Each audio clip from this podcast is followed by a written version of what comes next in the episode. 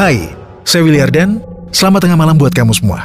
Selamat datang dan selamat mendengarkan podcast lewat tengah malam.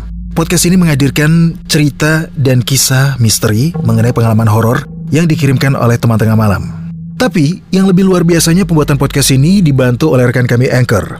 Anchor bisa bantuin kamu ngebuat podcast mulai dari rekaman, edit suara, tambahin lagu, backsound, semuanya bisa kamu lakukan sendiri dalam satu aplikasi. Serunya lagi, aplikasi Anchor ini gratis buat kamu. Bisa di-download langsung dari App Store dan Play Store, atau bisa juga diakses dari website www.anchor.fm.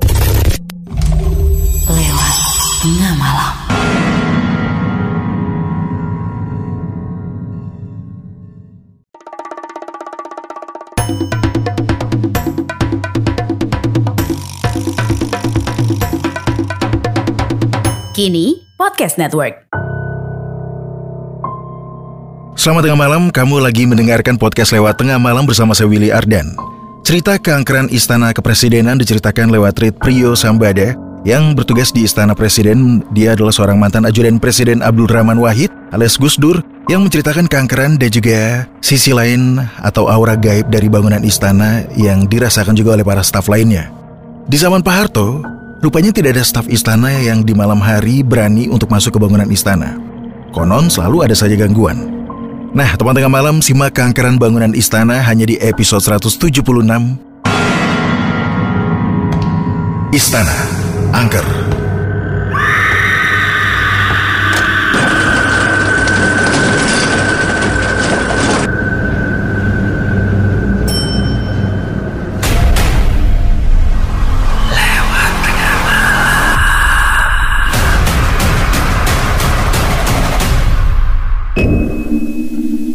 Disebutkan bahwa Istana Merdeka berawal dari nama Istana Ridgewick dan dibangun pada 1796. Pembangunan selesai pada 1879. Istana Ridgewick berubah nama menjadi Istana Gambir. Nama ini diambil karena dulu di sekitar istana banyak pohon gambir.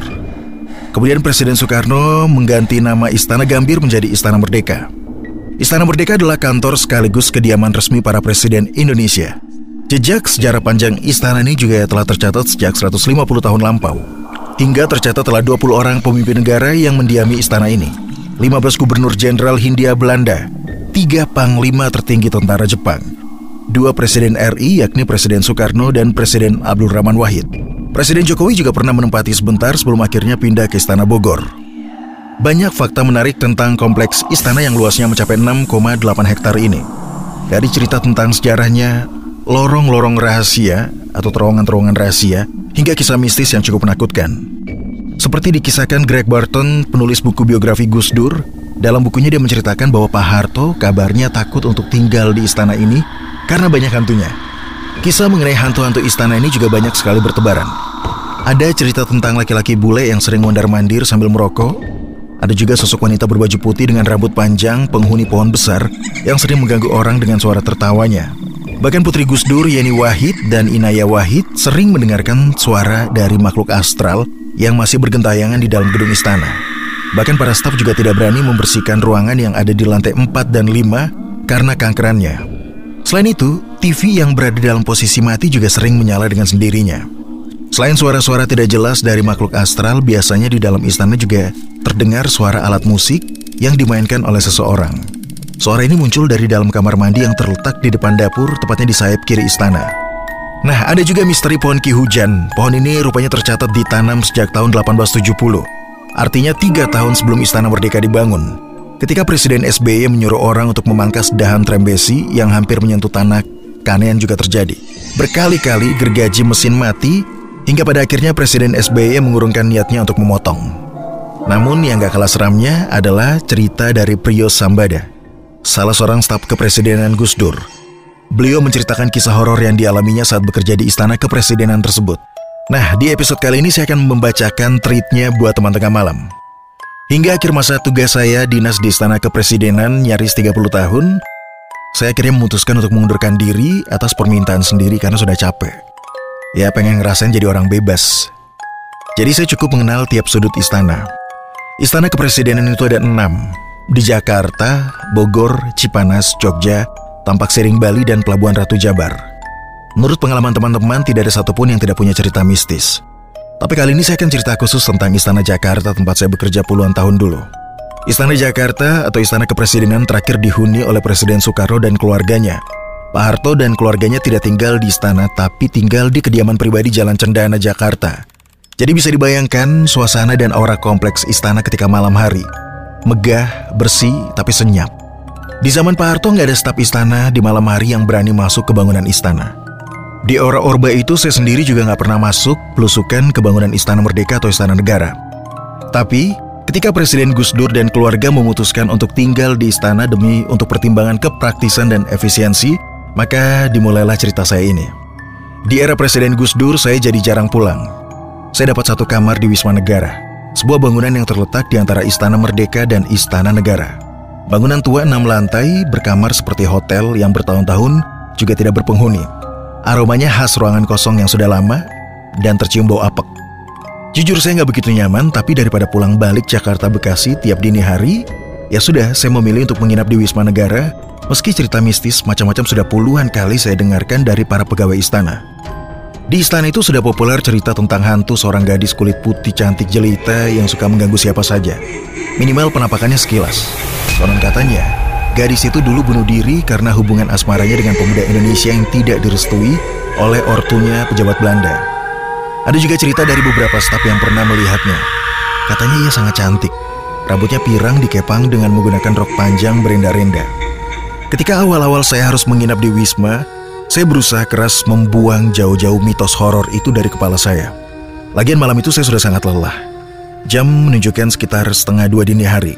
Ya, memang kebiasaan Presiden Gus Dur, nanti pada subuh beliau sudah olahraga pagi. Sehingga malam itu saya tugas dengan langkah pelan dari Istana Merdeka, saya menuju Wisma Negara untuk istirahat. Buat teman tengah malam yang punya pengalaman horor, biar cerita kamu bisa muncul di podcast lewat tengah malam, kirim cerita kamu lewat email di willyardan13 at gmail.com. Buat kamu yang pengen bikin podcast, langsung download sekarang juga aplikasi Anchor dari App Store dan Play Store, atau bisa juga diakses dari website www.anchor.fm. Anchor bisa untuk edit dan upload podcast kamu. Dan yang paling penting, Anchor gratis buat kamu.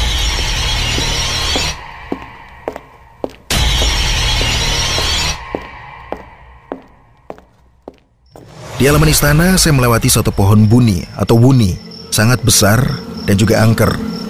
Konon kabarnya sering ada penampakan perempuan yang bergelantungan di atas sambil menangis terseduh-seduh lalu berubah menjadi tawa cekikikan. Terus terang saja saya agak takut saat melewati pohon rindang itu sendirian di malam buta, sunyi senyap pula. Tapi saat itu rasa lelah saya mengalahkan rasa takut. Saya terus melangkah sambil berdoa dan saya tidak mau sama sekali melihat ke atas pohon.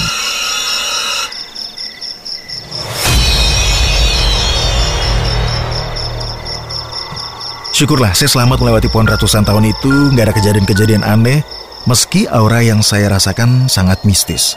Sekujur tubuh saya merinding semua. Lalu sampailah saya di lobi Wisma Negara.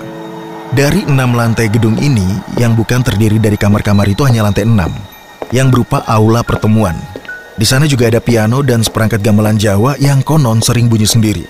Jadi ya, saya jarang untuk naik ke lantai enam, karena memang gak ada perlunya. Sehingga lantai 6 ini adalah lantai yang paling horor.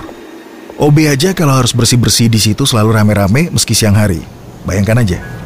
Sampailah saya di lobi yang juga sepi temaram, kemudian saya pencet tombol lift. Lantai di mana kamar saya berada, gak begitu lama pintu lift terbuka. Aman. Saya masuk, langsung pencet tombol lantai 3. Tombol kemudian nyala, pintu lift menutup. Lift bergerak mulai naik perlahan. Suaranya khas lift tua. Ada dengungan rendah, ada decitan sedikit. Terkadang juga ada sedikit goncangan. Saya perhatikan tombol mulai nyala. Dari ground naik ke lantai satu, tapi satu itu saya memang masih belum terbebas dari rasa merinding setelah melewati pohon rindang tadi. Saya perhatikan tombol terus menyala dari lantai ground ke lantai satu, ke lantai dua, kemudian saya siap-siap segera keluar dari lift ketika sampai lantai tiga, karena memang rasanya makin gak secure. Tapi, ketika tombol lantai tiga nyala, lift nggak berhenti seperti yang saya harapkan. Lift terus bergerak naik. Mendadak saya panik. Refleks saya pencet berkali-kali tombol nomor tiga, tapi anehnya lift masih terus jalan naik. Ya akhirnya saya pasrah, dan saya yakin ini pasti menuju lantai 6 yang legendaris itu. Benar saja, lantai 4 lewat, lantai 5 lewat, kemudian naik ke lantai 6 dan lift pun berhenti dan saat itu saya shock. Saya kaget, tapi saya diam saja mematung berharap pintu gak akan terbuka. Beberapa saat saya diam, tidak terjadi apa-apa. Saya berpikir saya akan pencet tombol nomor 3 supaya lift kembali turun. Tapi sebelum rencana itu saya lakukan, perlahan-lahan pintu lift terbuka dan saya saksikan ruangan di lantai 6 itu gelap gulita. Tapi dalam temaram, saya masih bisa menyaksikan meja-meja bundar dengan beberapa kursi di tiap meja layaknya untuk jamuan atau pertemuan. Semuanya kosong sepi, kecuali satu meja di sudut kiri. Di satu meja di sudut kiri itu, saya melihat perempuan duduk sendirian membelakangi saya sambil menangis. Jelas sekali suaranya terdengar. Iya, saya tahu dia lagi menangis.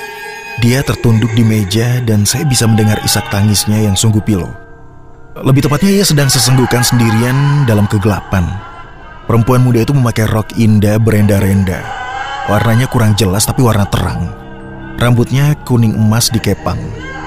Saat itu saya shock melihat itu. Refleks tombol lift saya pencet berkali-kali dengan kasar supaya pintu segera menutup. Tapi lagi-lagi lift tidak bereaksi sama sekali.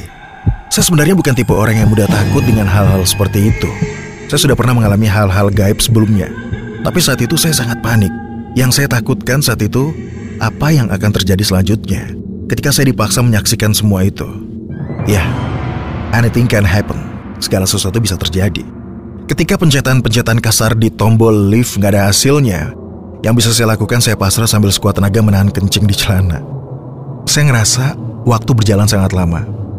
Mendadak, kepala perempuan itu dengan sangat perlahan berubah posisi dari menghadap belakang, kemudian pelan-pelan menoleh ke arah saya. Akhirnya terlihat wajahnya masih sangat belia, cantik, tipikal wajah gadis kulit putih Eropa. Dengan jemarinya dia mengusap air matanya dengan anggun. Tapi saya masih mematung tidak berdaya. Dengkul saya lemas semua. Setelah itu sorot matanya bergerak tertuju ke saya. Lalu ia tersenyum cantik sekali. Dan hanya dalam sepersekian detik, Pintu lift tiba-tiba tertutup kembali dan turun ke lantai tiga.